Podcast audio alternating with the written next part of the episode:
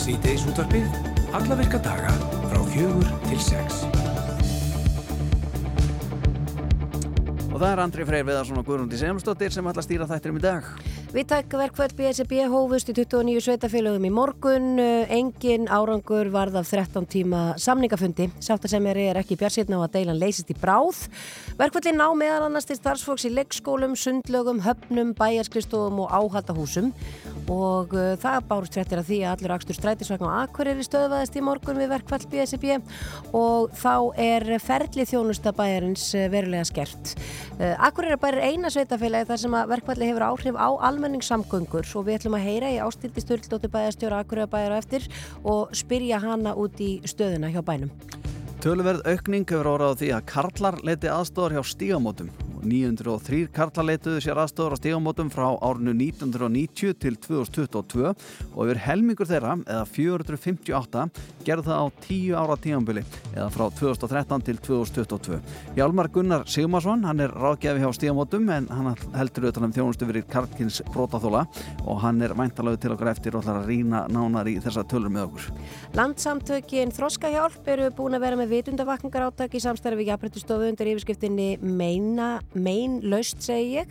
Áður hefur jafnbryttustofa tekið fyrir kinnbundið áreiti og áreiti í garð hins einn fólks í samstarfi við samtökin 78 og nú er tekið fyrir áreiti í garð fatlas fólks og fjallaðum ör áreiti, ableisma og barnvæðingu og Anna Margret Rólstóttir kynningastjóri Þroskahjálpar, hún ætlar að koma til okkur eftir og segja okkur betur frá þessu verkefni. Og við ætlum líka að ringja norður og heyra í afskaplega góðri konu en hún Svaneldur Danisdóttir. Hún stopnaði teppahópin Svönu á Facebook í því skyni að fá fleiri til liðs við sig eh, við að hekla eða prjóna ungbarna teppi fyrir sengurkonur í neyð. Og meira um það á eftir. Dragundrið Gógó Star, eh, brúlesk drottningin Margret Mokk og eh, kabarett konungurinn Vilfredo sapnaðum þessa myndir fyrir síningaferðalagi um Evrópu. En hvers vegna? Eru allir búin að fá nóa þeim hér heima eða er einfallega vöndun á svona hæfileikaríku fólki á meilindinu?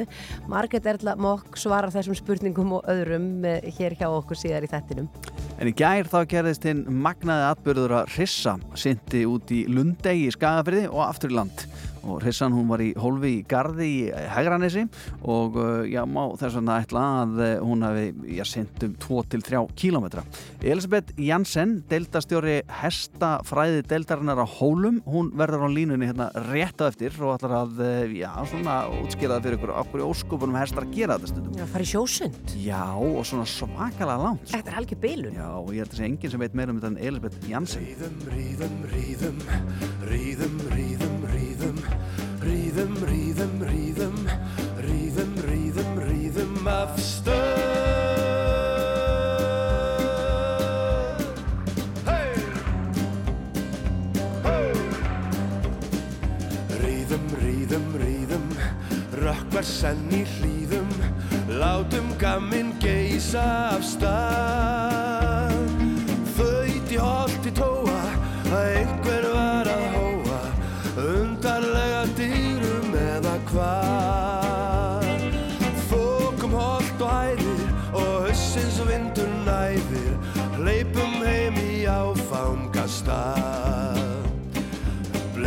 jarpi minn, söldi minn, skjóni minn, sokki minn, gráni af stað.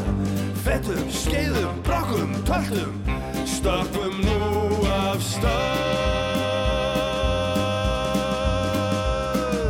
Hey! Ho, ho! Ríðum, ríðum, ríðum, hæla skell í síðum, draugaspil í gljúfrunum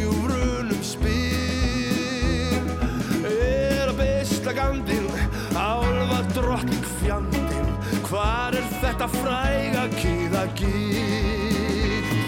Ég feysi þennan grjótveg, í þoku bakka hverf ég, skuggalegar óbyðirnar. Blessi minn, jarpi minn, söldi minn, stjóni minn, sokki minn, gráni af stað. Fetum, skeiðum, brokkum, töltum, stoppum nú af stað.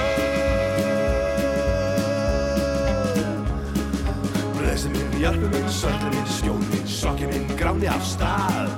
Fettum, skeiðum, brokkum, töltum, spökkum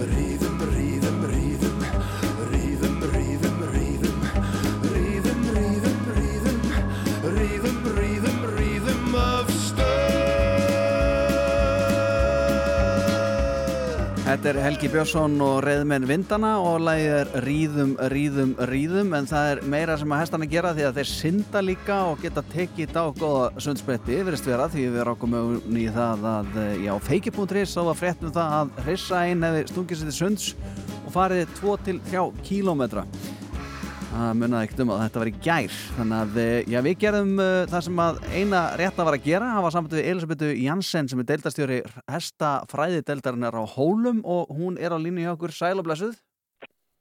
Já, blessaður. Segð okkur nú svona í fyrsta legi, er þetta algengt að hestar stingið sér í svona svakalega sundsbytti? Nei, þetta er ekki svona á þess að vera með knapi á baki, sko, þau eru, þau eru góða syndara, hesta getur eru bara flingir í vatni sko en, en hérna, þau gerir þetta ekki svona sér til skemmtunar eins og sem er hundategundar til dæmis þau hafa gaman að því að fara að synda mm -hmm. en, en í þessu tilfyggi var þetta náttúrulega aðeins öðru vísi sko Já, og hvað var í gangi í kollinum að þessari reysuðarna sem stakksreiti sundis í gerð? Já, það er nú bara náttúrann sem kallaði henni. Það var sennilega, ég er hún bara í hestalátum eins og heitir og var að leita sér að koma sér yfir hérasvöldni og leita sér á graðist tína mín en, en það er svo mikið ströymar hérna, hún var sennilega hefur það gest að hún hefur bara lendið ströym og, og verið tekin út sko og synd þá bara í landi hérna á eigunni sko. Já, þannig að hún hefur og svo hefur hún bara þar var náttúrulega engin graðist þannig að hún þurftur bara að drífa sér aftur til lands og þá hefur hún náttúrulega stungið sér til að fara heim Já, það er mikið á sér lagt Já, já, svona, maður lætir ekkert eitthvað smá vatn stoppa sig er meður ástand. Nei, ó nei, aldeilis ekki, aldeilis ekki, en hvað geta hestar sint lengi og langt? Ég þekki það nú reyndar ekki, sko, ég held að sé ekki, ekki svona mætt eitthvað svona, þú veist, svona frjálsum náttúri, sko, en ég meina við erum til dæmis með sérstaklega sundlög hérna á Íslandi mm. fyrir hesta og þá, þá í fjálfunaskinni sko Já. og þá eru þau látið synda hérna einhverju uh, það er nú svona braut bara sem er einhverju kannski, kannski syndar hann eitthvað 50 metra eða eitthvað svolítið sko í æfingaskinni Já. og þannig að við erum ekkert að tala um en ég á sjálfsög getaðu þetta og, og, og það sem er náttúrulega erfiðast er þegar það er mikið ströymur eins og, eins og var hérna mikið gamla dagar áður en brýr var á Ísland, það var nú hestan að kalla brýr Íslands. Mm -hmm. það sem uh, það þurftu náttúrulega og fá aðstofa hesta til að koma sér sína leiðir. Og þá var náttúrulega oft líka að tala um, um sérstaklega vatnarross sem voru sérstaklega góður að synda í strömmvöld þannig að og þá er það náttúrulega helst þá bara yfir, yfir á en, en með mikið ströym, þetta getur verið opaslega erfitt. Já. Já. He, hefur einhvern tíman heyrt um svona 2-3 kílometra, já, þar sem að já, þessi viðkomandi hrisa hefur þá vantarlega ekki geta kvílt sér neitt? Nei, ég hef ekki heyrt um það sko. Ég þekkir endar elindis frá að þetta gerist eins og reyndir og, og elgar þau stundum færa sér millir staða og synda langt og það er búið að komast að sko, svona dýrum bara langt frá land sko.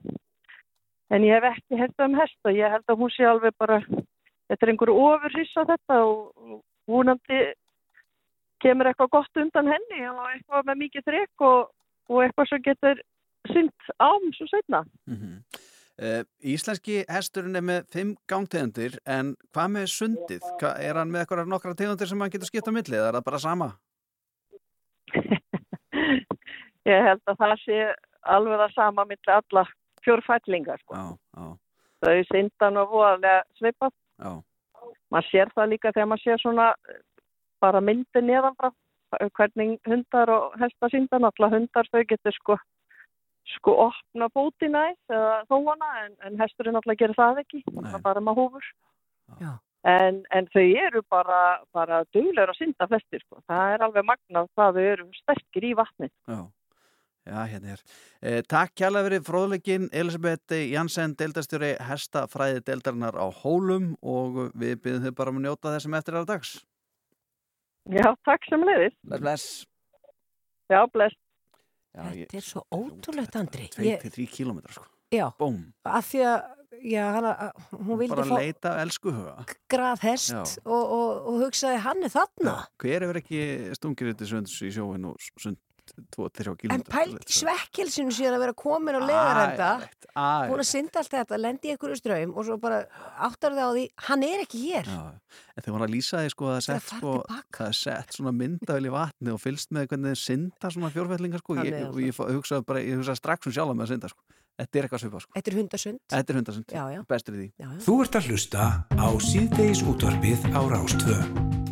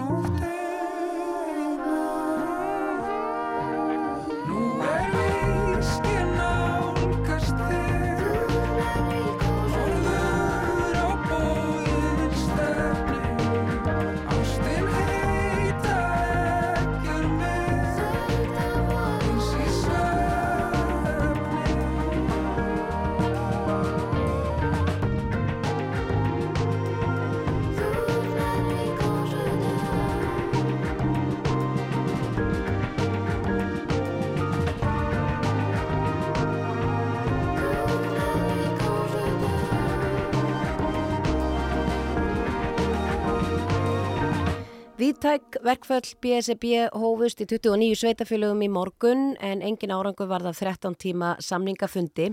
Sáttasemjari er ekki bjart sitna á að deilan leysist í bráð. Verkföllin á meðal annars til starfsvors í leysskólum, sundlögum, höfnum, bæjarskristofum og áhaldahúsum.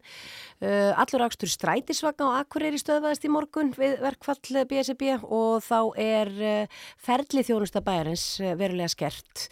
Akureyri bæri er eina sveitafélagi þar sem að verkfalli hefur áhrif á almenningssamgöngur en á línni hjá okkur er Ástildur Sturldóttir, bæjarstjóri Akureyri bæjar. Kontur sælublesu Ástildur. Já, kvönti sælbless. Uh, Getur þú svona farið nákvæmlega bara yfir stöðuna hjá Akureyri bæ vegna verkfallana?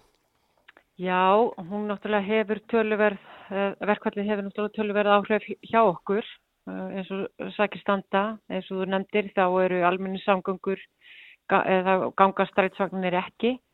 Uh, ferli þjónustan er verulega skert en við höfum sem betur fer fengið undan þá fyrir uh, í þeim tilfellum það sem mjög nöðsilegt er að einstaklingarnir fái þjónustu. Nú, sundlögunar eru lokaðar hjá okkur uh, og uh, íþróttahúsið og uh, íþróttahús Glerarskóla og íþróttahöllin þau eru lokuð hjá okkur og það er mjög mikil uh, skerðing hjá umhverfismiðstöðinni aðalega á slætti og hyrðingu í bæjarlandinu. Og malbyggunarstöðin er ekki í gangi þannig að, að allar gatna og stígafrankandir það er uh, frestast og síðan er uh, veruleg skerðing og opna tíma hér í ráðhúsinu því að það eru mjög margir sem eru í kili, sem eru í, í verkvalli. Og uh, svo er það náttúrulega vinnuskólinn, hann starfar ekki á meðan verk, verkvallinu stendur þannig að þetta er töluverð áhrif sem verkvalli hefur hér hjá okkur. Mm. En á leikskólana hjá Akureyrabæ? Nei, það, okkar starfsmenn eru ekki í BSB sem þar eru. Þau eru í starfsgrunnsambandinu og, og í, í kennararsambandinu og, og öðrum stjættafélögum bara. En uh, ég held að við séum eitt af erfáum sveitafélögum þar sem er ekki áhrif á leikskóluna. Mm. Það talaði um hafnir og nú er Akureyrarhöfn einn stærsta skemmti já, mm -hmm. ferðarskipa höfn landsins. Já. Hefur þetta áhrif á hana og þá á ferðarmenn? Nei. Nei, þetta hefur ekki áhrif á hafnasamlæði þar sem leiðis eru starfsmenn í öðrum stjættafélögum þannig að, að, að það hefur ekki áhrif þar. Mm. Getur þú eitthvað, já bara gerur þér grein fyrir eða veistu hversu stóran uh, hluta íbúa þetta verkvall er að hafa áhrif á eins og til dæmis hversu margir er að nýta sér uh, strætó hverjum degi og svo eins og þetta með ferlithjónustuna líka? Ég átta mig ekki alveg á hva, hvað með strætóin en það er náttúrulega mjög mikil fjöldi og af börnum sem nýta uh, strætóin og þeir, þeir sem eru ekki með enga bíl en það eru svona cirka bát 350 manns sem eru að nýta ferlithjónustuna hverjum degi. En eins og ég sagði þá höfum við fengið undan þá til þess að sinna 60 manns þar.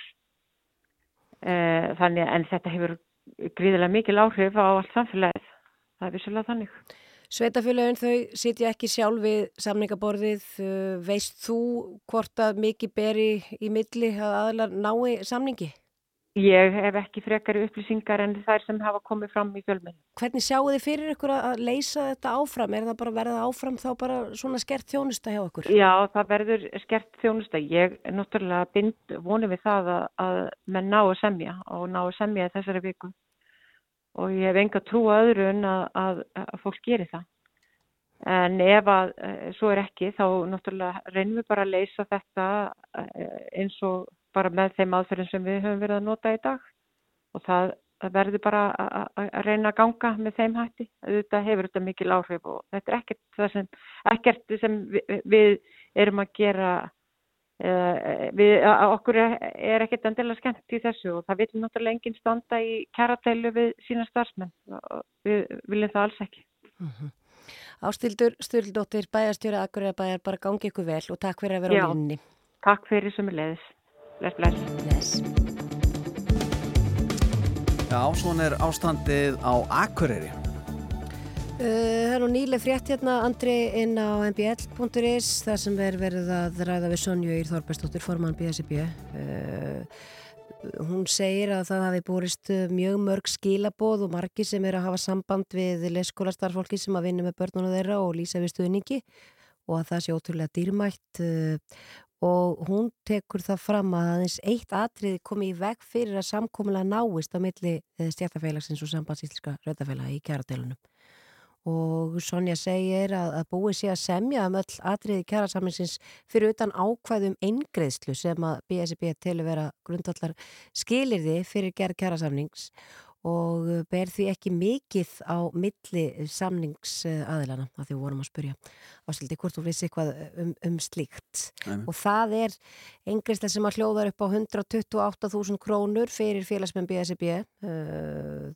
en Sonja bendir á Engersland skipti miklu máli fyrir framfæslu félagsfólksins en að fyrir sveitafélagins í Engersland aðeins 0,3% af heildarlaunakostnaði. Þetta er eins og ég segi glæn í fréttin á mbl.is Það er líka hérna, er náttúrulega viðtöl til dæmis hér við foreldri Sigrúnu Skaftadóttur sem er heima með börnunum sínum að því að leikskóli, leikskólar er kópói eins og hennar, það sem að börnun hennar dvelja er bara opinn tvo tíma á dag og hún er að fresta opnun og veitingarstað vegna verkvallins þannig að þetta er að hafa mikil áhrif víða og verkveld leyskólastarfna standa hins vegar í mánu stendur hérna til 5. júli uh, af því það er náttúrulega búið að vera skæraverkveld með hlýðum í nokkra vikur en uh, verkveldin sem að nú eru hafin eru að hluta ótímabundin. Það líkur ekki fyrir en sems nema þessi, þetta, þessi verkveld leikskólastarfsmanna sem að standa hins vegar í mánuð til 5. júli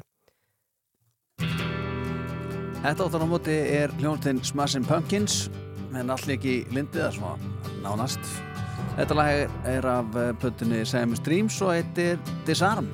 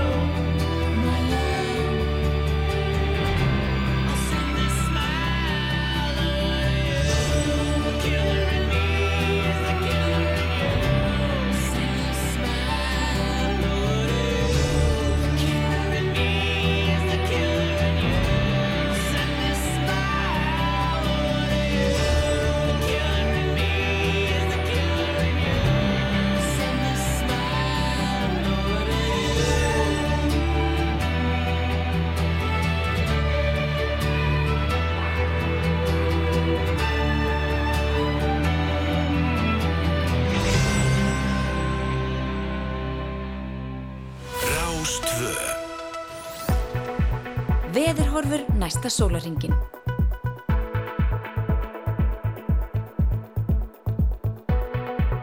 Jæja, Guðmundur Simundsdóttir, eh, nú viljum við góða fréttir hérna á höfuborgarsvæðinu uh, Veðurfrétti þá Já, bara, já, já, Ég held ég get ekki hjálpaði með það sko hvað er með það?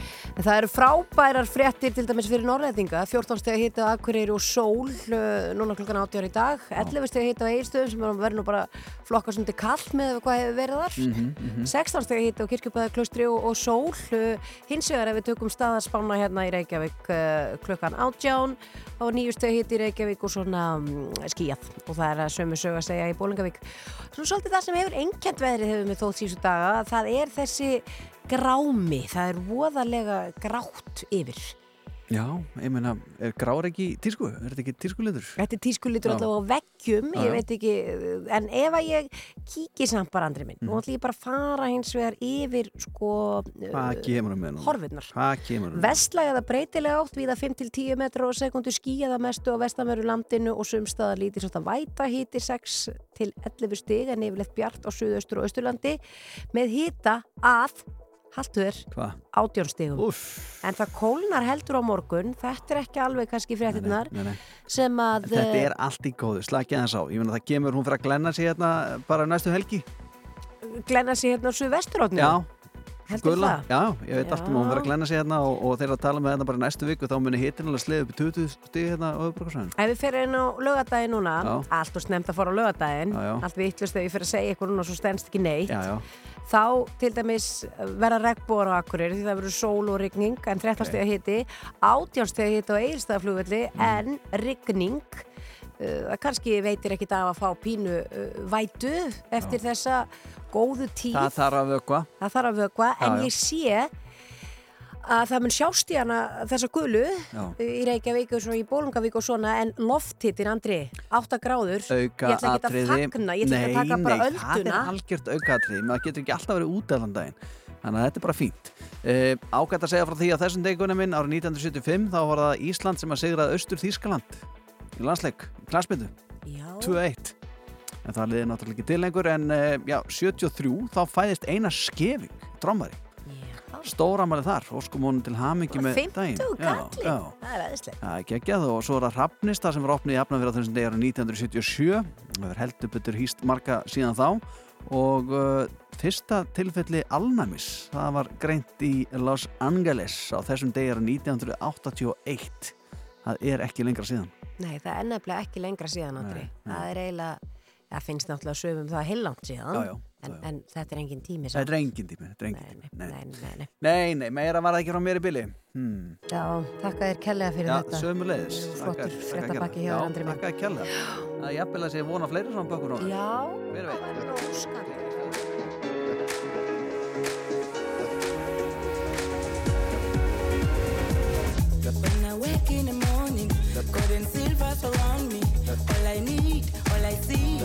colors and magic.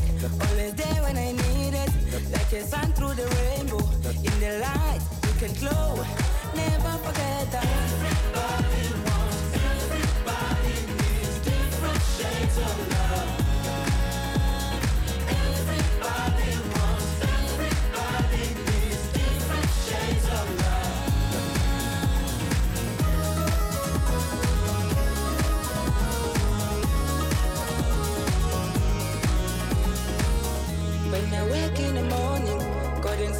Surround me. Always there when I need it, like a sun through the rainbow. When I wake in the morning, gold and silver surround me. Always there when I need it, like a sun through the rainbow.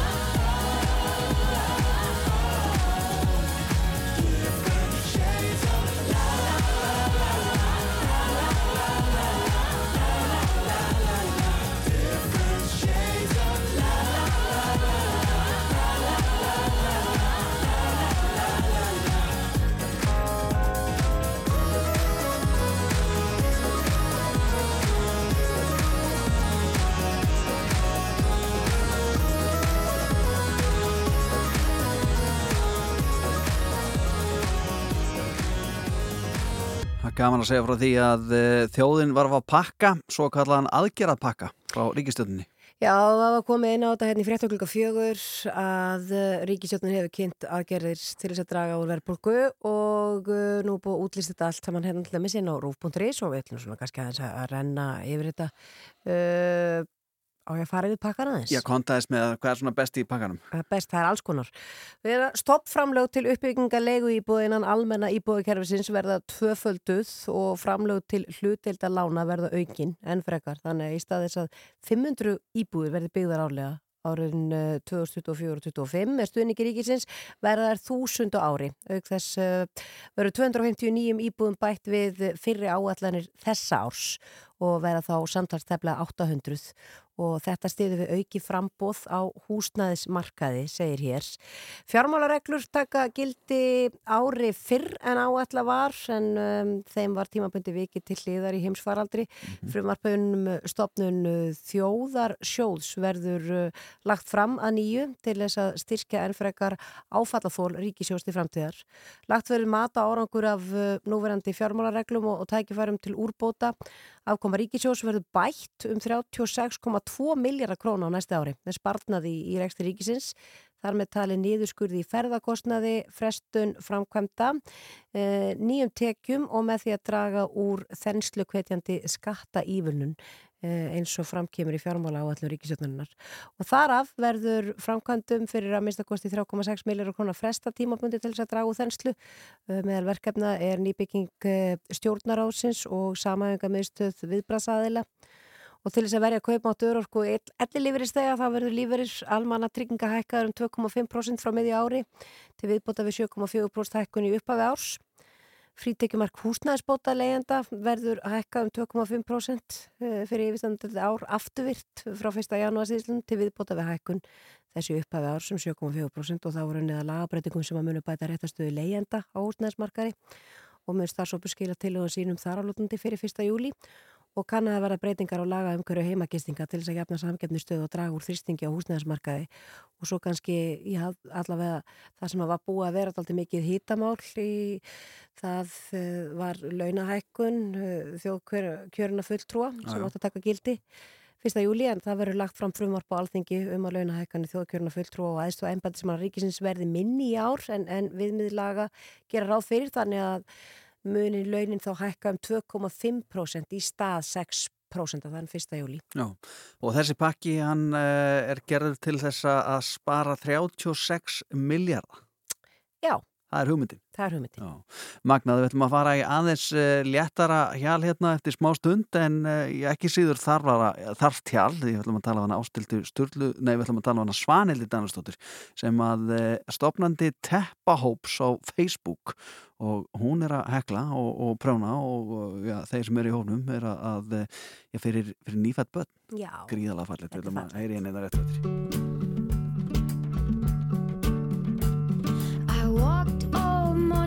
my heart. Cause the world keeps dancing with the paper man. I love you, never talking dreams. The now is here, your happiness is real. Oh, make some big jumps, big jumps. You afraid to break some bones? Come on, make some big jumps, big jumps. Life is your saloon. You hold your head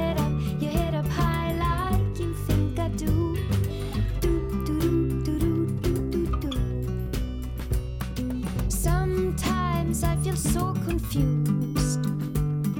I'm under the illusion that I have to choose. I love you, always know the way. The way back home always is the same. Oh, make some big jumps, big jumps. You afraid to break some bones? Come on, make some big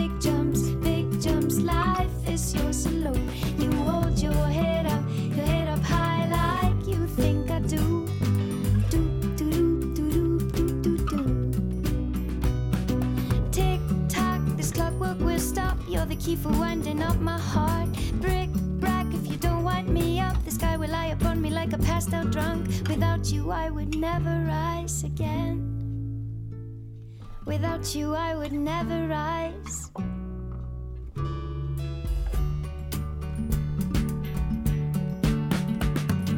Hey there, sunshine, lift my heart. I know life is long, but it goes so fast.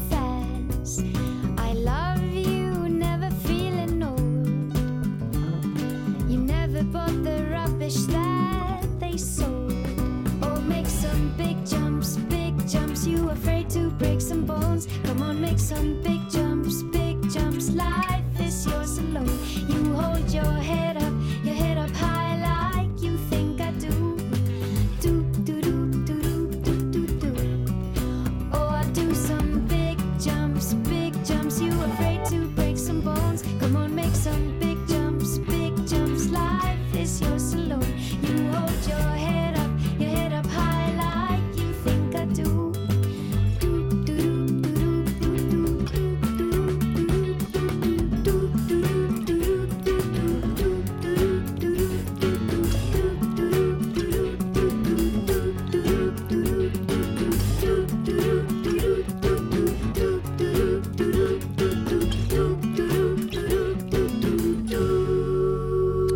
Emilina Torrini og lagið Big Jumps en uh, aftur á þessum klukkutíjónu þá erum við búin að setja ykkur samband við Norrlandið og uh, við ætlum að kynna okkur uh, teppahóp sem er starfandi á Facebook teppahópur Sönu á Facebook sem er, já, hópur fólk sem er að prjóna og hekla ungbanna teppi fyrir sængurkonur í neyð.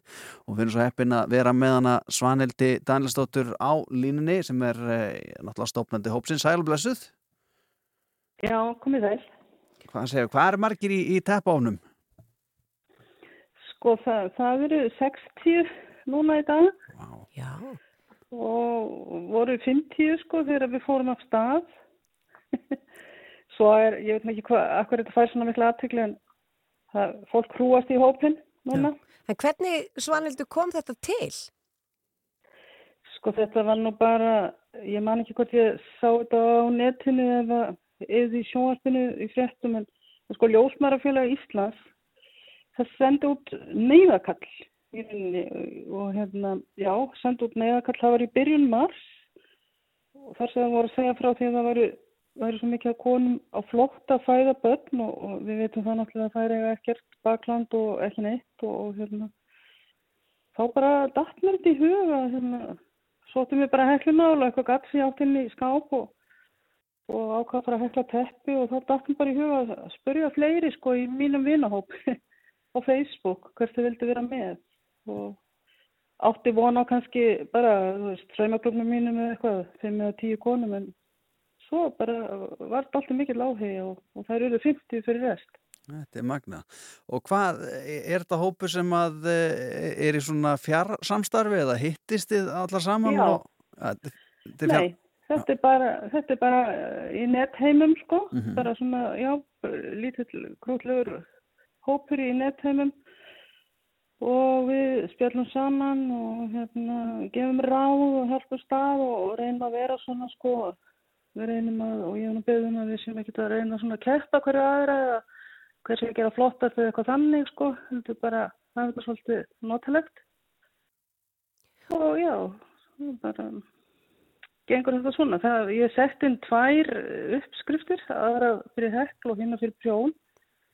Og reyndi að hafa þær einfaldar því ég var líka reynda svona fyrst eftir, það er alveg heil kynslu að konum sem að kunna kannski lítið að hekla eða prjóna hafa ekki mikið sjálfströst og reyndi að hafa þetta til þess að þetta væri svona fyrir alla sko, ekki bara þá kláristu. Mm Og þú ert búin að aðfenda núna einhver teppi, er það ekki? Já, jú, sko þetta uh, markmiðum var, með þess að var náttúrulega það að þetta var svona stutt verkefni. Ég held mér segja að ég hafi stopnað hópin á alþjóðlegum baráttudegi Kvenna sem er 8. mars og ég setti tímamörkin uh, til maðuradagsins sem er síðan í, í mið- miðan mæ. Mm. Þannig að þetta voru svona tveggja mána hérna tímabil. Það sem ég lagði upp með það að við myndum prjóna eða hekla, þú ráða því bara, eh, teppi sem sagt fyrir nýbura. Og svo kom nú í ljós að það voru afgangar að gallinu og svona þannig að hérna, þá fórum við að gera húur og, og hósur og líka sem fylgdu með. voru ekki allar sem gerðu það. Svo sumar auðvitað eins og gengur, ég lagði áherslu á það að menn bara flýju nú eins og þeir væri fyrraði til í það að það skiptið og sem ég kannski byrjuðu og svo komið veikind upp eða eitthvað inn í hann það gátt ekki klára og það er náttúrulega bara í góðu lægi og svo er aðra sem kannski skiluðu, það var einn sem að, sko gerði fjögur teppi Já. og nokkra sem gerði þrjú og hérna það var næstu bara liðið með þegar það var að koma svo með þetta hérna til mér svo fór ég og, kefti plastkassa og sko þetta þurfti að vera hreint og vel frá gengi þannig að ljósmaðurna getur bara haft þetta kassan bara undir borði hjá sér og bara gripið í þetta þegar það þarf sko því að það er náttúrulega getur ekki verið að standi því að þó og flokka og laga til og allt þetta. Bara breytt beint yfir. svona- Já. Já, þetta var svona bara litli pakkar sem að það eru með þarna. Svo bara þarna ég öllu saman og svo bara dreif ég með, setti ég bara kassana í skottið og, og brunaði með þetta til Reykjavíkur um daginn, sko. Já. Já, já, og þeir hvergin er hættar, þið ætlaði að halda fram að hekla á brjónað ekki? Í, jú, sko, nú erum við, við nú ætlum við bara í sumar fyrir sumar. Og hérna, þetta var náttúrulega bara að hugsa um þetta eina verkefni og svo náttúrulega dettur manni alltaf eitthvað í hug, sko, maður, og, og, veist, og svo þegar haustar aftur að þá kannski fara maður einhverja ára hugmynd úr fréttum kannski, eða einhvers þar hans þar að. Og þá er aldrei að vita nema okkur detti í hug að gera annarkvæmt að halda áfram með þetta ef þess þarf, svo er ekkert víst að þetta var svo mikið núna, það er ekkert víst að þurfi og þá kannski gerum við eitthvað annað fyrir einhvers konar aðra hópa, Já, já. aldrei að vita. En maður veit nú alveg hvernig þið sem að heklið á prjónið eru, þið farið ekki til frí í því þó þið farið í sumafrí. Nei, en svona við reynum að stilla okkur, því sem verður. Líka svo þetta verði ekki yfir fyrirmændi og, og, og þetta má ekki vera kvöð og þetta á bara fyrst og fyrst að vera, vera gaman og svona, bara, já, svona, bara andlegu styrkur líka bara sína, skiptast á myndum og svona peppa okkar aðra upp og eitthvað svona, sko. Já. Já. Akkurat, akkurat. Þetta er mjög fallegt svarheldur Danielsdóttir og við höfum öruglega eftir að fylgjast áfram með teppahópnum þínum. Spurning hvort þetta verði eitthvað annað en teppi, sko, við höfum eftir að koma Já, að því. Að við Já, segjum bara er takk fyrir þetta og bara gleðilegt sumar og þið njótið ykkar í, í fríinu.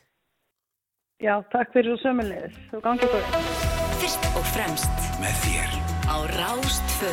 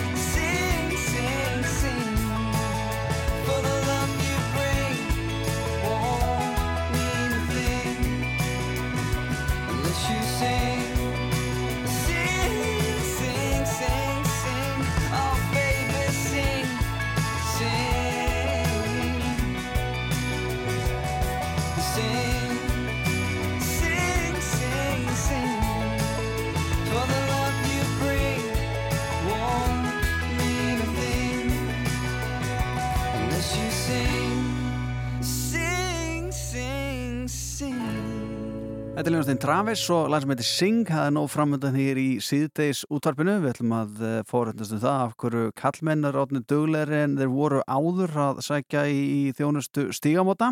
Og eh, við ætlum líka að eh, kynnast eh, Go-Go Star. En hér að trómóti er náki á trómur sem heitir Ringo Star og þetta er Ljónstein The Beatles eða Beatlanir og lagið er In My Life. Og svo tekur frettastofið There are places I remember all my life, though some have changed,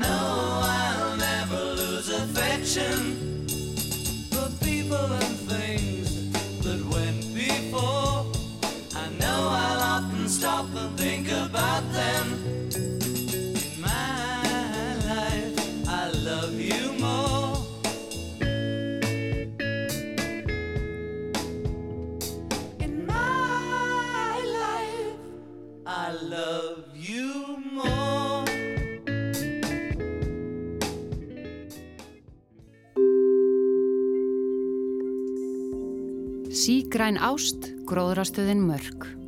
Opið hús á morgun klukkan 18 til 18.30 í Kukkavogi 26, stopnhús.is. Fjarnám til stúdensprófs fas.is.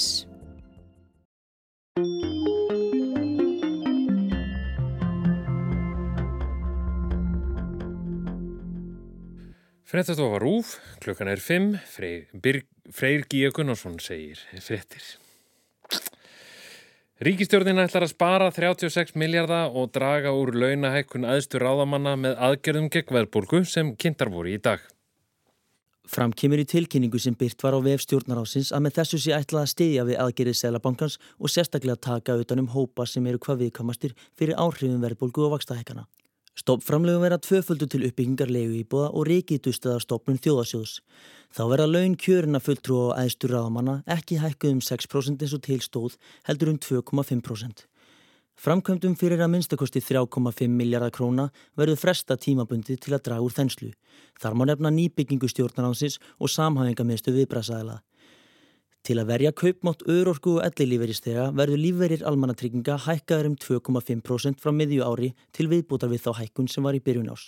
Að auki verður frítekjumark húsnæðisbóta hækkaður um 2,5% fyrir yfirstandandi ár, afturvirt frá 1. janúar. Í tilkynningunni segir einnig að unnið sé að lagabreitingum sem bæti réttarstöðu leyinda á húsnæðismarkaði. Þá verða kannaðar breytingar á lagaumhverju heimagistingar til að jafna samkæmnistöðu og draga úr þrýstingi á húsnæðismarkaði. Ari Páll Karlsson tók saman. Samfélkingin hefur lagt fram verkefnarlista fyrir þinglokk sem hún telur að ríkistjórnin geti fallist á. Þetta eru meðal annars vaksta bóka, bóta auki sem flokkurinn telur að myndi létta verulega undir með skuldsettum heimilum, leigubremsa að danskri fyrirmynd sem á að verja fólk á leigumarkaði fyrir stórfældum hækkunum á leiguverði og ívilnun til uppbyggingar þannig að húsnæðisfélög án hagnar sjónamiða fái áfram 60% endurgreðslu á virðisauka skatti af vinnu manna á byggingarstað. Mike Pence, fyrirverandi varafósetti bandaríkjana, tilkynnti nú fyrir skömmu að hann sækist eftir að verða fósetta efni republikanaflokksins. Hann ætlar því að taka slægin gegn fyrirverandi yfirmanni sínum Donald Trump og Ron DeSantis ríkistjóra Flórida, svo einhverju séu nefndir. Fram kemur í erlendum fjölmunum að Pence ætliða tilkynnum frambúð sitt með formlegum hætti á miðugudag í Iowa. Og þá er það íþróttir. Tveir leikir fara fram í byggakeppni Karla í knasputnu. Eftir 20 mínútur eða svo hefst bein útsending frá leik Þórs og ríkjandi byggamestara Víkings fyrir norðan. Víkingar verma efstasæti í bestu deildinni en Þórsar eru í lengjudeildinni. Rúmlega halv átta mætast svo breyðablík og FH í Kópói. Báðum verður, verða gerð góð skil á rúf tveimur í sjónvarpinu. Kvöldrættir verða sagðar klukkan 6 við minnum á rú.is. Frettalestri er lokið. Þú ert að hlusta á síðdeis útvarpið á Rástvöð. Og við höldum áfram í síðdeis útvarpinu. Uh, Tölver aukning hefur orðið á því að karlar leiti aðstóðar hjá stígamótum. Uh, 903 karlar leituðu sér aðstóðar uh, hjá stígamótum á árunum 1990 til 2022. Yfir helmingu þeirra eða 458 gerðu það á 10 ára tímabili frá 2013 til 2022. Hjálmar Gunnar eh, Simarsson er ráðgjafi hjá stígamótum en uh, hann heldur þetta um þjónustu fyrir Karl Kins Brótaþóla og uh, hann er hinga komin. Kondur sæl og blessaður. Takk, að koma? Já, það eru kannski ekki allir sem að já, yfir höfuð tengja einhvern veginn stígamót og uh, karla saman. Já, það, hérna, eitthvað vegna þá verðist það að vera, það getur verið eins og skýringar á því, en við erum búin að vera að taka móti göllum meira og minna frá upphafi og höfum verið síðan að þróa þá þjónustu kannski svona sérstaklega frá og með aldamótum, svona, þá er tæp 25 ár sem að svo þjónustu hefur orðið markvísari og síðan einmitt 2013 og því það er hérna þetta tímabil sem að þú nefndir að þá hérna þegar sko kattviknismálið var til umfjöllunar þá var hérna kannski með ítalegri og betri umfjöllun um kattkinsbrótaþóla og það er afleggingar sem þeir eru að takast á við og mikilvæg þess að þeir leiti sér hjálpur og allt svo leis uh, hérna var svona fekka eins meiri og dýpri umfjöllun en við höfum séð áður og það gerði verkum að það var bara met ár hjá okkur og þá sérstaklega ábyrjandi munur á hversu margi kallar voru að leita til okkur og við sáum sko að það voru að hoppa upp í 18% af heildartölunni það árið sem við höfum aldrei séð. Alltaf verið ykkur í kipir sko. Og það undirstryka fyrir okkur og það eru þetta hellinga afköllum eins og við vissum sem að hafa ekki verið að leita sér hjálpar hafa orðið fyrir kemsópildi á ykkur tímbili og oftast í æsku.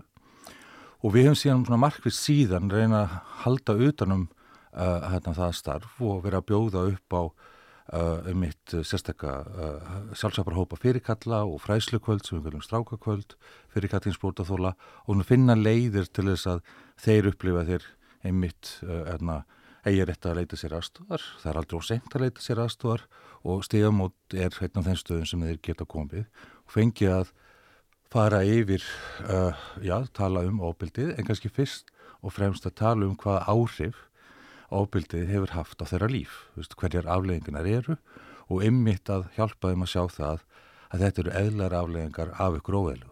Mm. Er, eins og Gunnar segir hérna á hana að fólk tengir ofta ekki stígamót saman við kallmenn og mm. uh, það er eflust ymsar ástæði fyrir því en stígamót er að sjálfsögðu fyrir öll kyn um, heldur þú að kallmenn séu orðin svona já, eitthvað neginn hugrakkari við að leita sér að hjálp en til dæmis fyrir 20 árum síðan?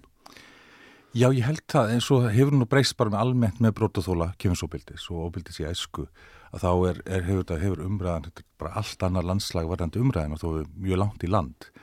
Og hérna þannig að, að ég hugsað svolítið þannig að kallar eru bara veist, í þessar umræði almennt og, og að tengja sig við umræðina að þeir séu bara kannski aðeins aftar en það er svona hægt og rólega að mjagast eins og við erum að sjá uh, bara almennt um þennan, þennan málaflokk.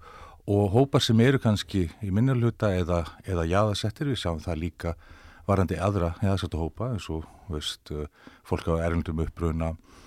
Við glemum stundum að tala um eld, eldra fólk líka og uh, hérna, hins einn samfélagið og svo framvegis og framvegis, tans og, og, og kynsegin einstaklinga. Að, hana, að minni hópanir, þeir fá oft ekki kannski þá aðtegli, en við meðum ekki gleyma því að það er ekkert svo langt síðan að við vorum almennt að tala um kemursobildi og við erum ekkert komið það langt að tala um kemursobildi í æsku. Þannig að ástöðnan á 50 daginn í síðustu viku var bara mjög mikilvægt innlegg í þessu umræðu almennt og líka að tala um kalla og þá tala um kynnsóbildi gegn, gegn drengjum.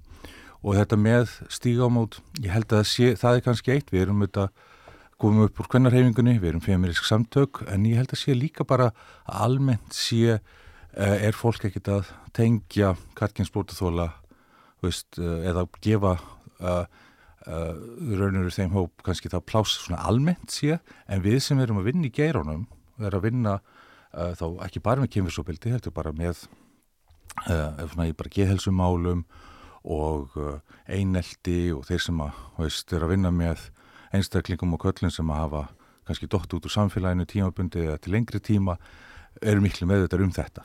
Þannig að ég held að sé kannski samfélagi almennt sé og kannski fjölmjölaumfjöldun hún er hérna kannski misjöfn og það er aðtiklisvert að sko kallvegnismálið vakti mikla aðtikli en til dæmis skeggjamálið vakti ekki eins mikla aðtikli.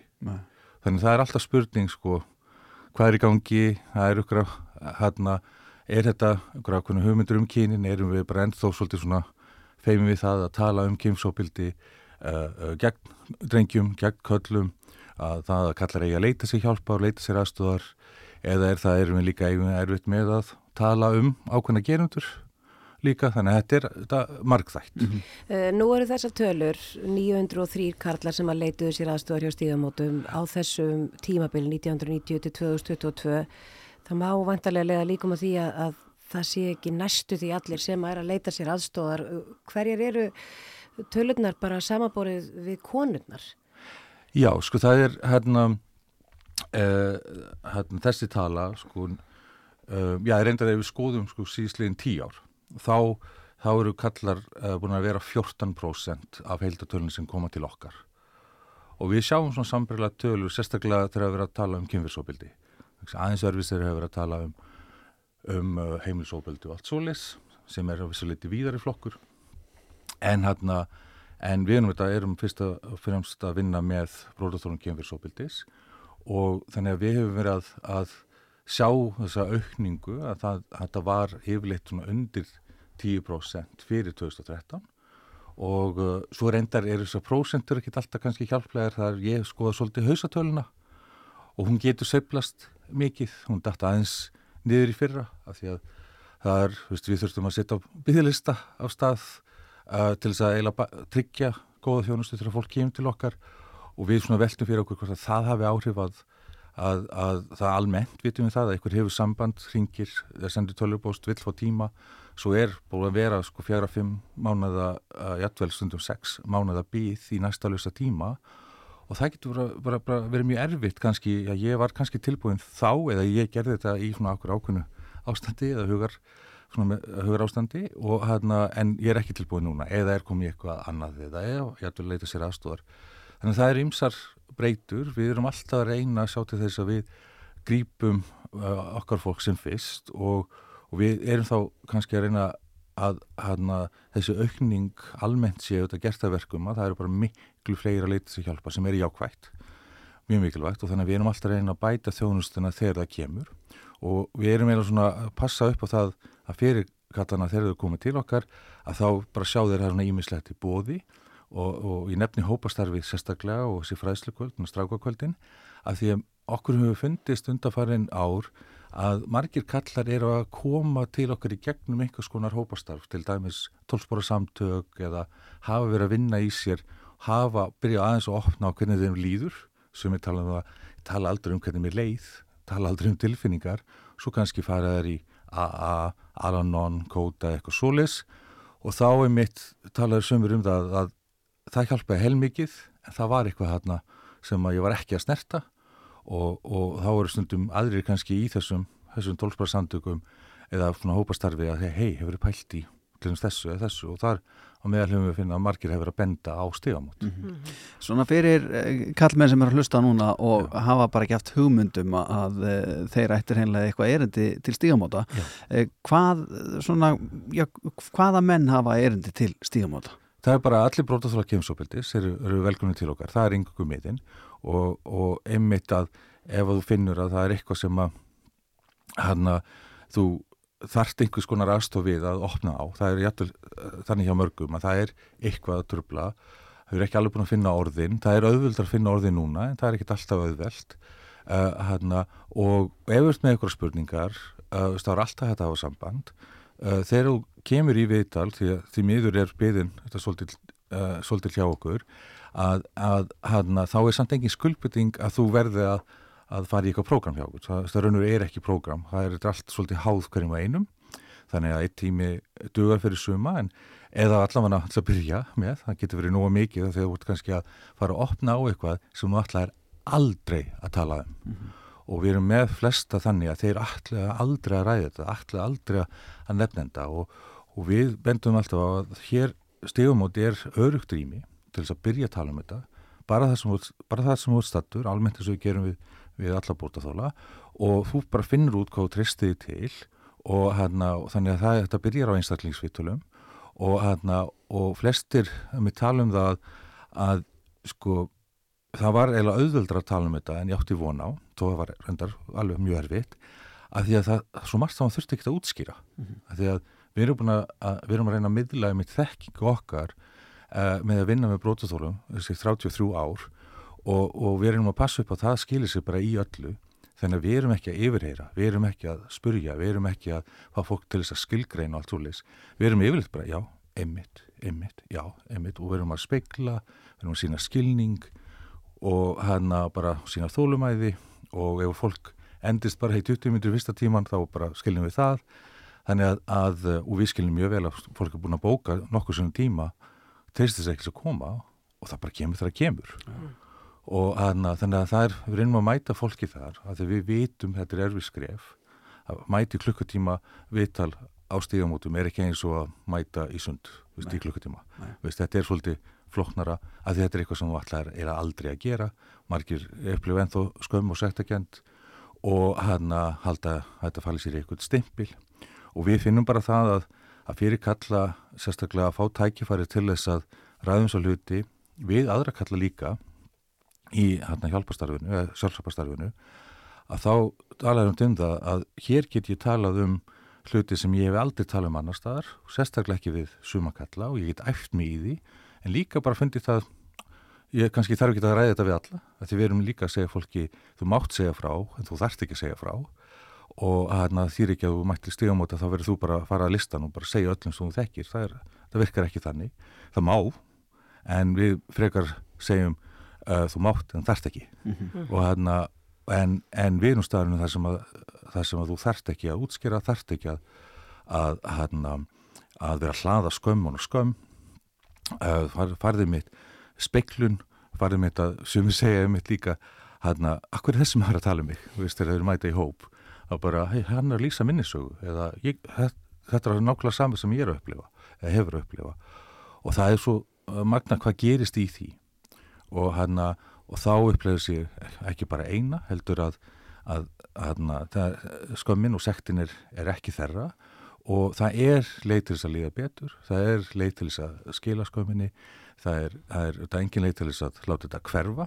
En að, að þeir finna að það er leið til þess að þetta ymmit sitt ekki þeirra líf á hliðina eða stjórn ekki þeirra lífi eins og það hefur kannski gert. Og eru er það líka meðveðar um að það sem þeir eru búin að vera að takast á við tengist þessu og jáfnveg kannski öðrum áföllum og ofta tíðum er að það önnur áföll í æsku líka. Já. Að við erum líka alltaf að reyna að mæta ungu fólki og við byggum til uh, sjúktspjall og þar erum við að reyna að ná líka til ungra drengar sem hafa orðið fyrir kemursobildi. Þannig að við viljum endilega vekja aðtegla á því að það er, er hana, nafnlust neðspjall fyrir ungmenni sem er sjúktspjall sem er tengt sjúk ástverkarinn okkar og það er leið til þess að reyna að ná uh, uh, ungum drengjum og, og, og ungmennum einmitt fyrr, að þeir leiti sig hjálpar fyrr. Það er einmitt eitt sem ég langaði að spyrja hvort það væri ekki öruglega verða hugafarsbreyting hvort að unga, ungu menninni væri kannski bara kjarkaðari að leita sér aðstofar fyrr? Við erum ekki alveg að finna fyrir því. Það er kannski svona smá svona er smá kynslamunur að þeir eru kannski aðeins nærði en er, þeir eru samt mjög látt hlutfall af þeim sem nota til þeim sjúkspjall mjög látt hlutfall af þeim eða læra hlutfall af þeim sem er að koma strax eftir átján þannig að við eigum svolítið í land að, að ná líka ungustrákunum þó að sem við erum búin með alls konar forvarnar fræðslu og fræðslu þá þurfum við að ná til þeirra og bara til allra. Hjálmar Gunnar Sigmarsson, ráðgjafi á stígamótum takk hjálpa fyrir komuna í síðdeis Svo látt síðan ég var hér síðast. Stóðum á topnum fyrir 13 árum síðan. Nú hef ég gengið gegnum tvenna tíma. Bannandi mönnum er sem best að lifa, lifa Ég hugsa um mystikinn, sambundinn, vinni sem að undirlættu Maðurinn sem ég var, reyndist vera rángri stefnu. En í dag, hjartalag, mitt er en það sam og síðast. Strákur sem að vildi skín en þurfti bara lengri tíma. Ég sé, ég sé heiminn nú, fleiri sjónarhortnum Ég sé, mínu speilmynd, loksins orðin stoltur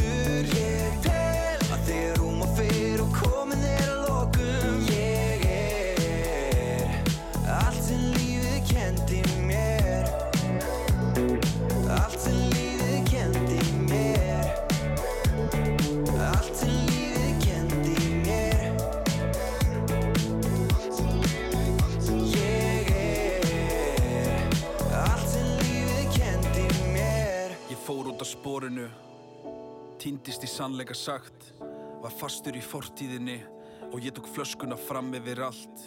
13 ár, þúsund ár Allir hafa djöful að draga Allir hafa einhverja sögu Og mín byrjaði á komdu tilbaka En ég læri alltaf meira, lífið stækkar, tíminn læknar, sárin gróa, árin róa, ég vil meira, ég vil heyra, en ég stopp ekki og ég hætt ekki, alla trúa mig, ég er fljúandi eins og fyrildi yfir heiminin, pappi sjáðu mig, litla strákið þinn.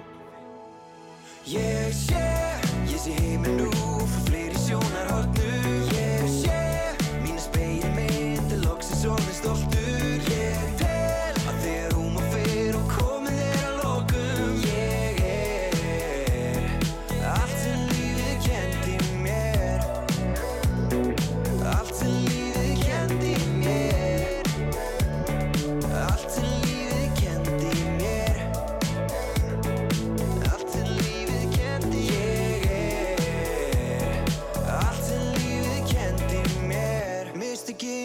Sambundinn Vinni sem að undirlættu Maðurinn sem ég var Reyndist vera rángri stefnu.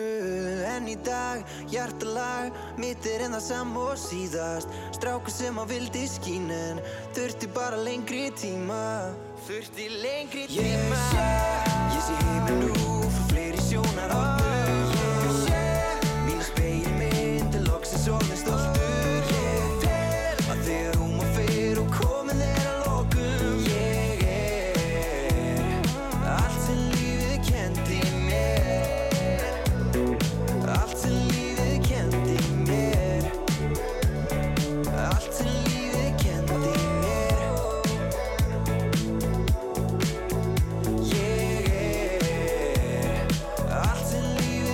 lífið kendi mér Síðdeis 2. Málefni líðandi stundar. Frá fjögur til sex á Rás 2.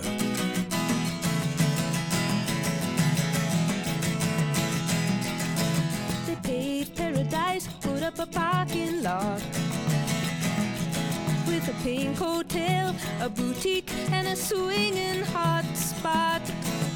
Don't it always seem to go that you don't know what you've got till it's gone? Paved paradise, put up a parking lot.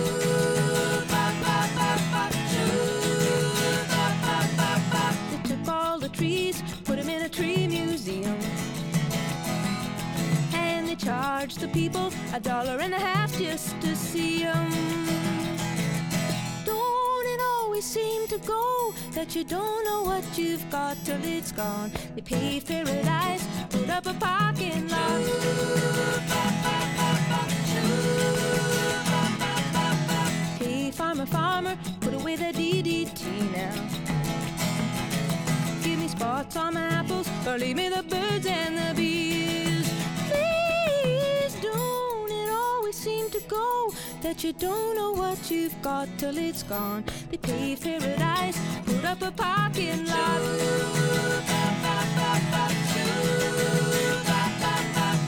Late last night, I heard the screen door slam. Big yellow taxi took away my old man.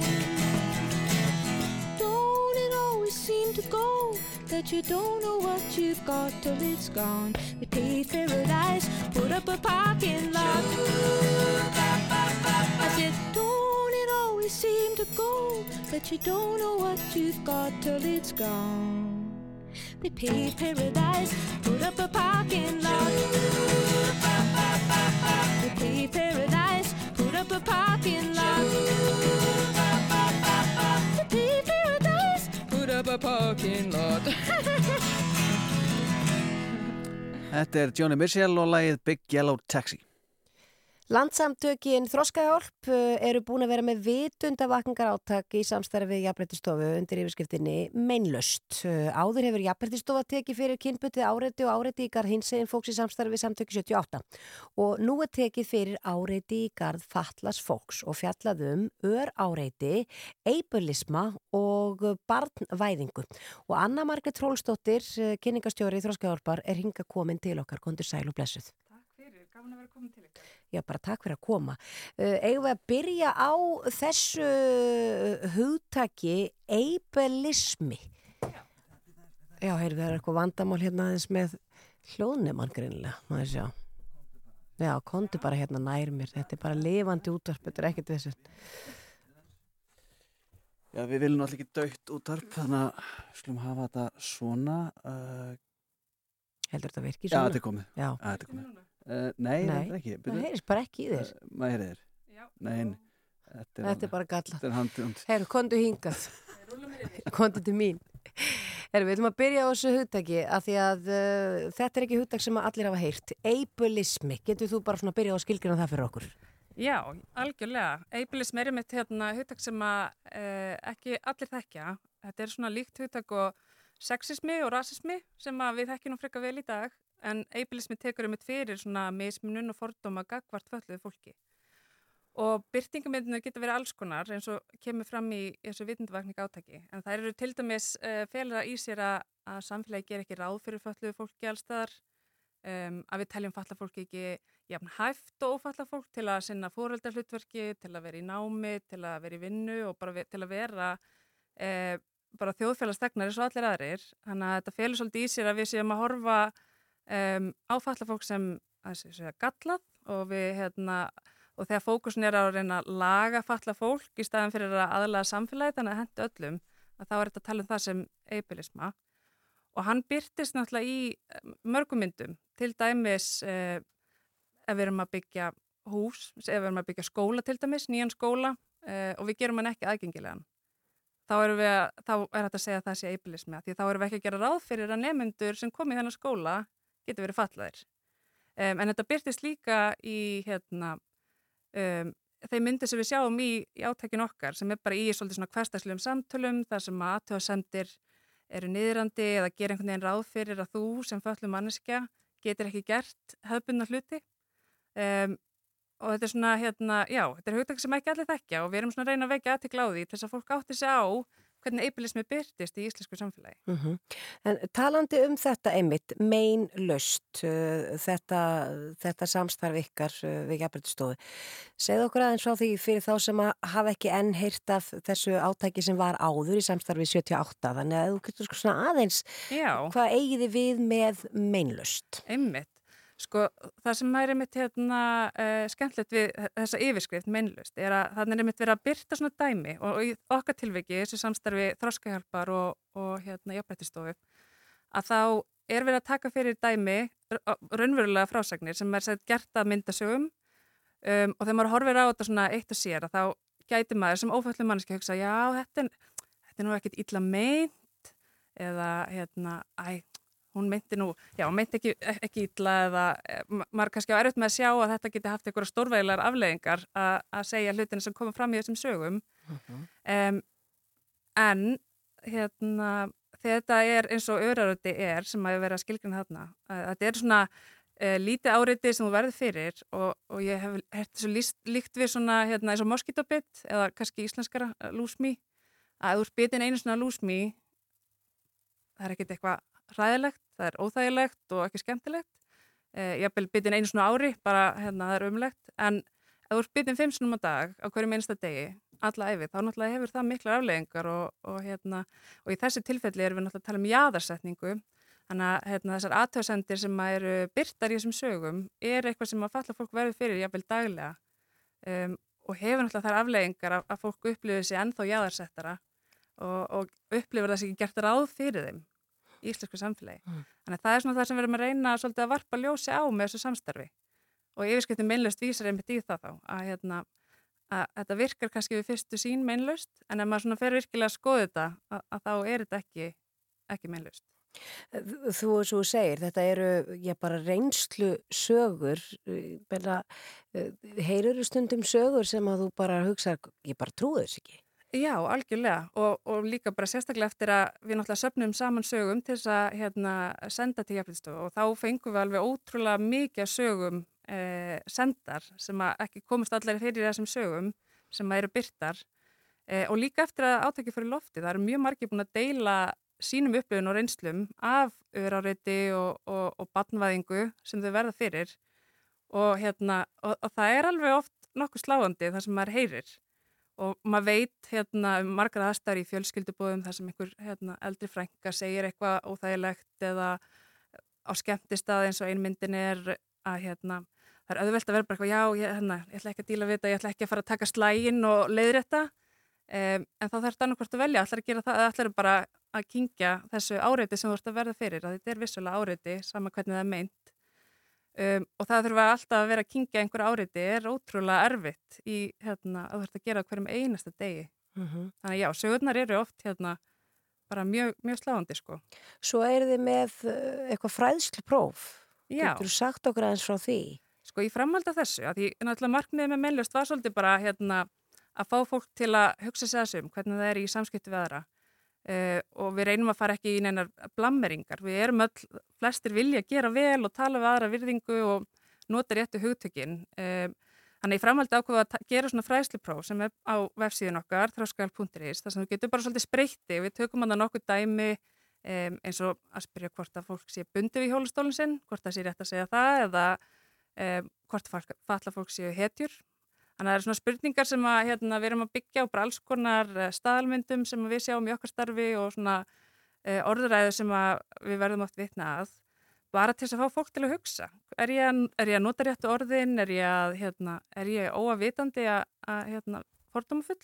Því það vill enginn vera fordómafullur um, en stundum gerum við það algjörlega ómeðvitað. Um, þannig að þetta fræsliprófi er svona til þess að svolítið að hérna, bara spreita sig uh, og, og sjá hversu vel maður stendur. Það er náttúrulega ekki engin heilagur sannleikur í þessu fræsliprófi um, en aðal tilgangurinn er einmitt að vekja fólk til umvöksunar um að tungumála okkar er alltaf að breytast. Hvernig við tölum um fólk, hvort sem það er falla fólk eða hins eginn samfélagi eða konur hefur bara breyst alveg rosalega mikið bara á senstu árum og við heyrum að fólk segja að maður veit ekkert lengur hvað maður segja og, og þetta er svona okkar leitið að minna fólk á að þú, þú þarf ekki alltaf endilega að vita en þú þarf að vera tilbúin að sækja þekkinguna, þú þarf að vera tilbúin að, að hérna, ef einhver segir við herði, þetta var nú reyndar ekki alveg rétt að segja svona, að fólk fari ekki bara strax í vörn, heldur segja takk fyrir ábyrninguna, ég ætla að gera betur næst. Mhm. þannig að þetta fræðslipróf er bara svona svolítið skemmtileg leið til að reyna að fá fólk til að vera með okkur í að kynna sér málið, taka ábyrna frá fötluðu fólki, það þarf ekki alltaf að vera fræða aðra um hvernig þú tala heldur, þú getur líka sótt þess að þekkingu þarna á þess að lesa þungar fræðigreinar eða, eða kynnaði málin hérna, eitthvað hann í kjölinn, heldur bara svona að reyna að halda sér á tánum og, og bara vera öll saman í liði. Eins og við hljótum öll að vilja vera. Já, og það er okkar einslega að flestir vilja, vilja gera vel, þannig að við erum að reyna bara að finna skemmtilega leiði til þess að virkja fólk og, og eiga samtalið. Og hvar getur fólk uh, já, bara skoða þetta frekar? Já, sko, meinlaust er byrt á hérna Instagram síðu sem heitir meinlaust, þannig að það er bara Instagram síðan meinlaust, en við byrtum þetta líka á okkar Instagram síðu, Þroskahjálpar, Uh, og fræðsliprófið er svo að finna inn á okkar vefsíðu þroskar.is og hérna við hvetjum fólk endilega til að fara og taka þátt og, og eiga samtali við okkur uh, og það er náttúrulega líka aukin bónus að við draugum út hérna nokkra sem taka þátt í prófunu og, og það eru vinningar til þess að hvetja fólk til að taka þátt þannig að hérna, endilega allir að fara og spreita sig. Já, absolutt. Anna Margreit Hrósdóttir, eh, kynningastjóri Þróskahjálpar, takk fyrir komuna í síðan og gangið góð vel með þetta. Takk fyrir.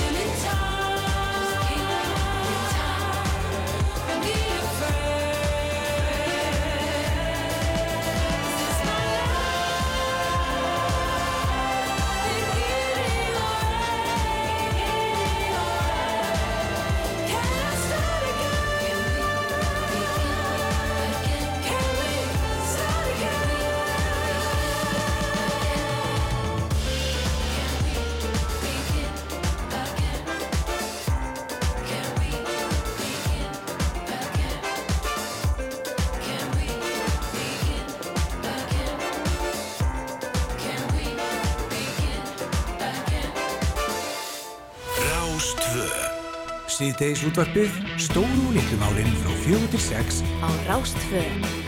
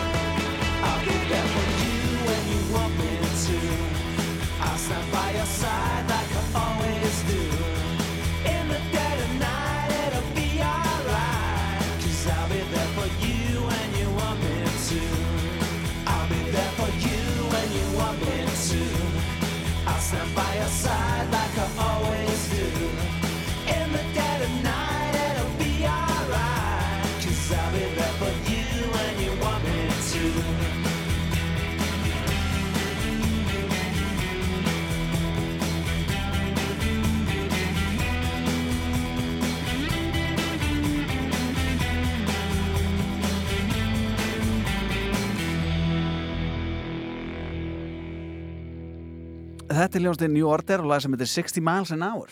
Hvorki meira en minna. Hann er komin til okkar hinga góð kona Já. sem að hefur nú áður heyrst uh, Já, já.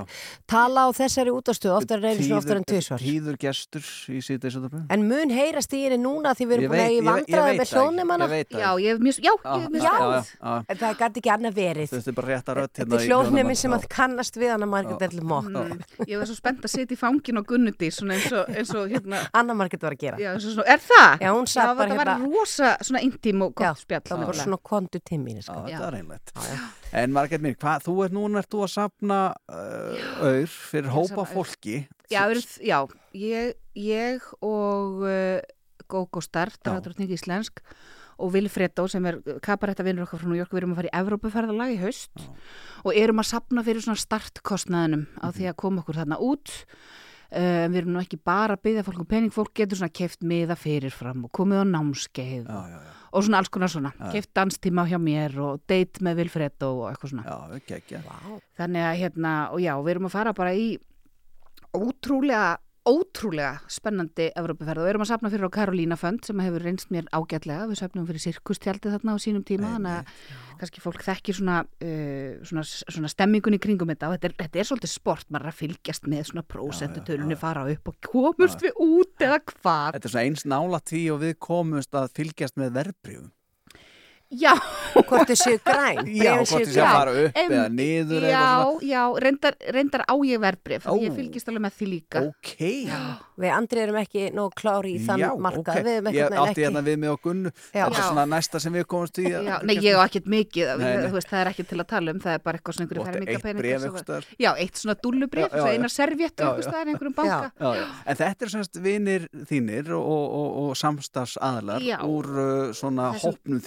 úr Þessum- svona kabaretta heimi, við erum að fara sko, þetta er, þetta er svona svolítið magnaður túr sko, við byrjum hérna heima á Íslandi og svo endum við aftur hérna heima á Íslandi og kíki.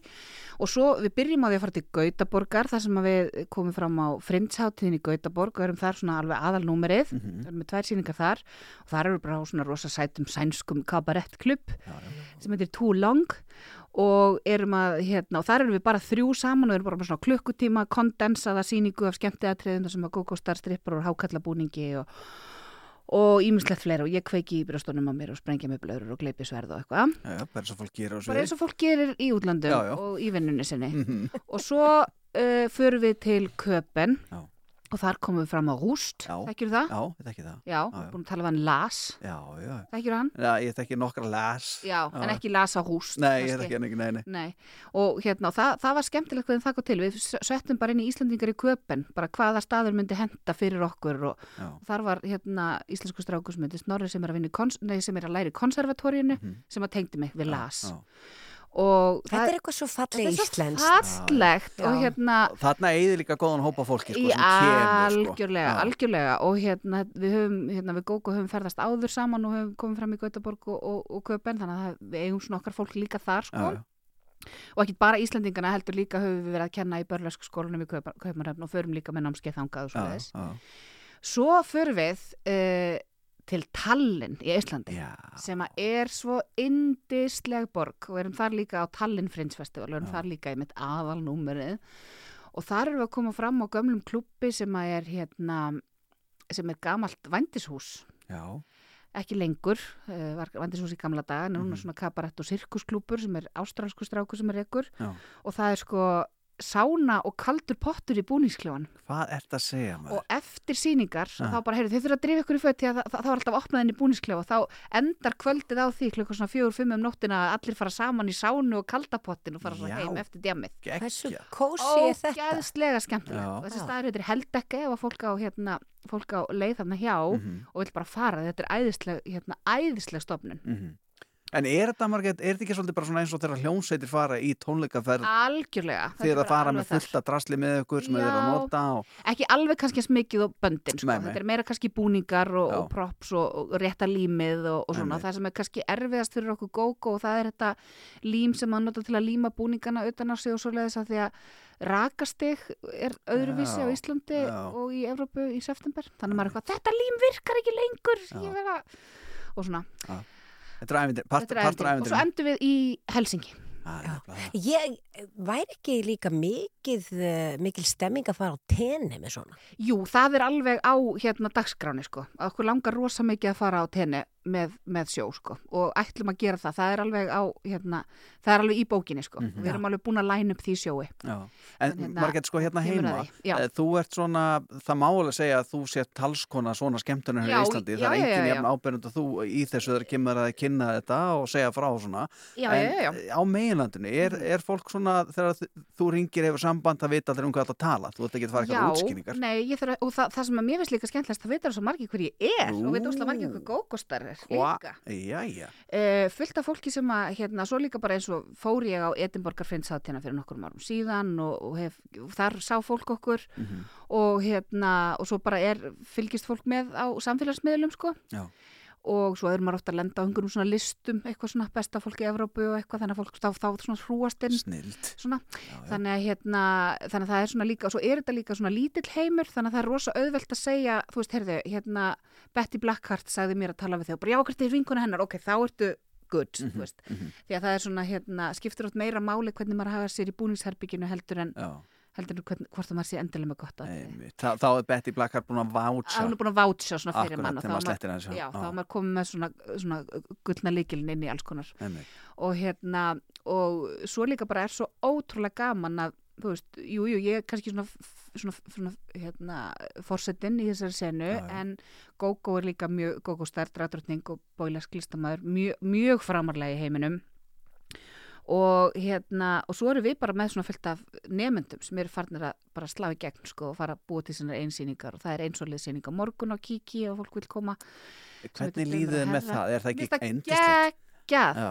og ég var fyrir tveimur vikum síðan var ég með nefnendur mína í ferð í New York og þá var ein sem að náði sér ekki þar og ég satt bara svona grátand út í sal Ó. Bara stolt. svo stolt móður, bara "Ó, hún er komin hún er komin hingað, þar sem að ég fann þetta En heldur þú kannski að eins og eftir bara 20 ár þegar þetta verður bara orðið kannski algengt hér að þá verður þú bara svona guðmóður? Já, ég er það alveg, eða þú veist. Þú veist að þín Já, verður minnst já, þannig? ég vona það, já.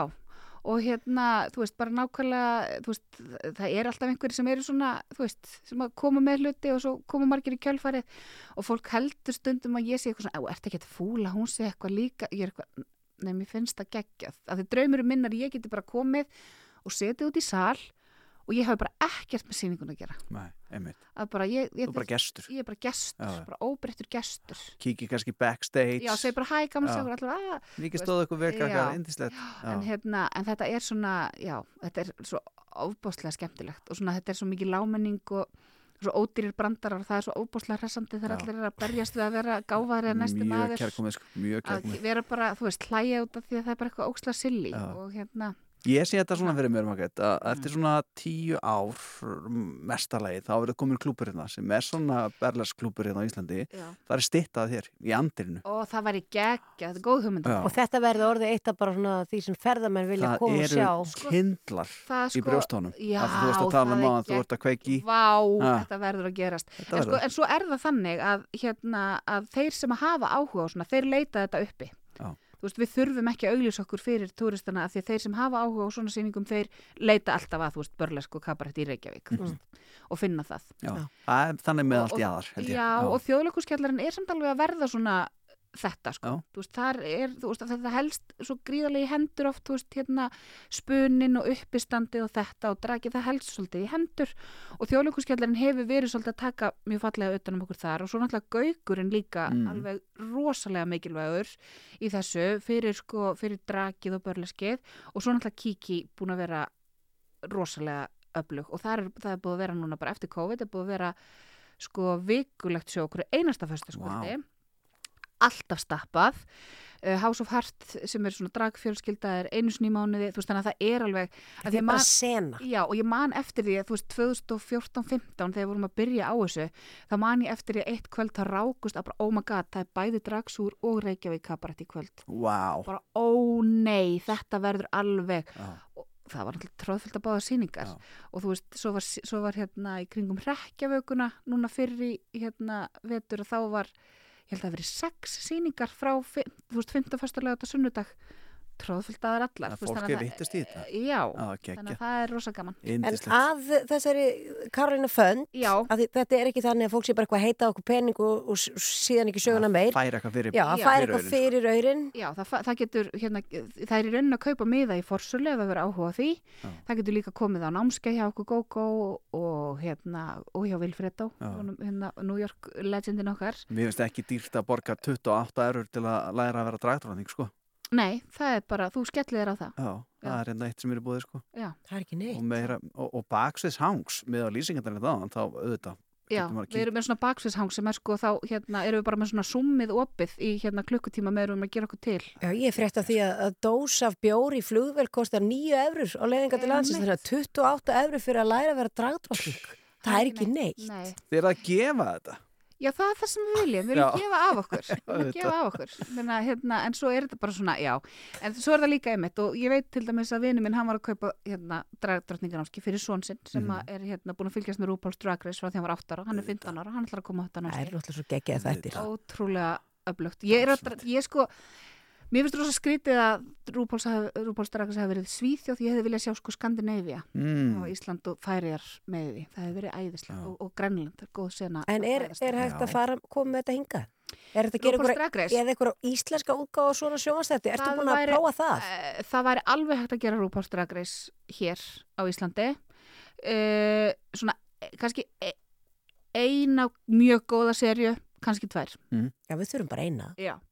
En eins og ég segi, mér þætti svo gaman að sjá sko Skandinavia því að það er svo, það er svo rosalega mismunandi senurnar uh, allstaðar. Það var svo gaman að sjá þær hittast í þessu. Mm.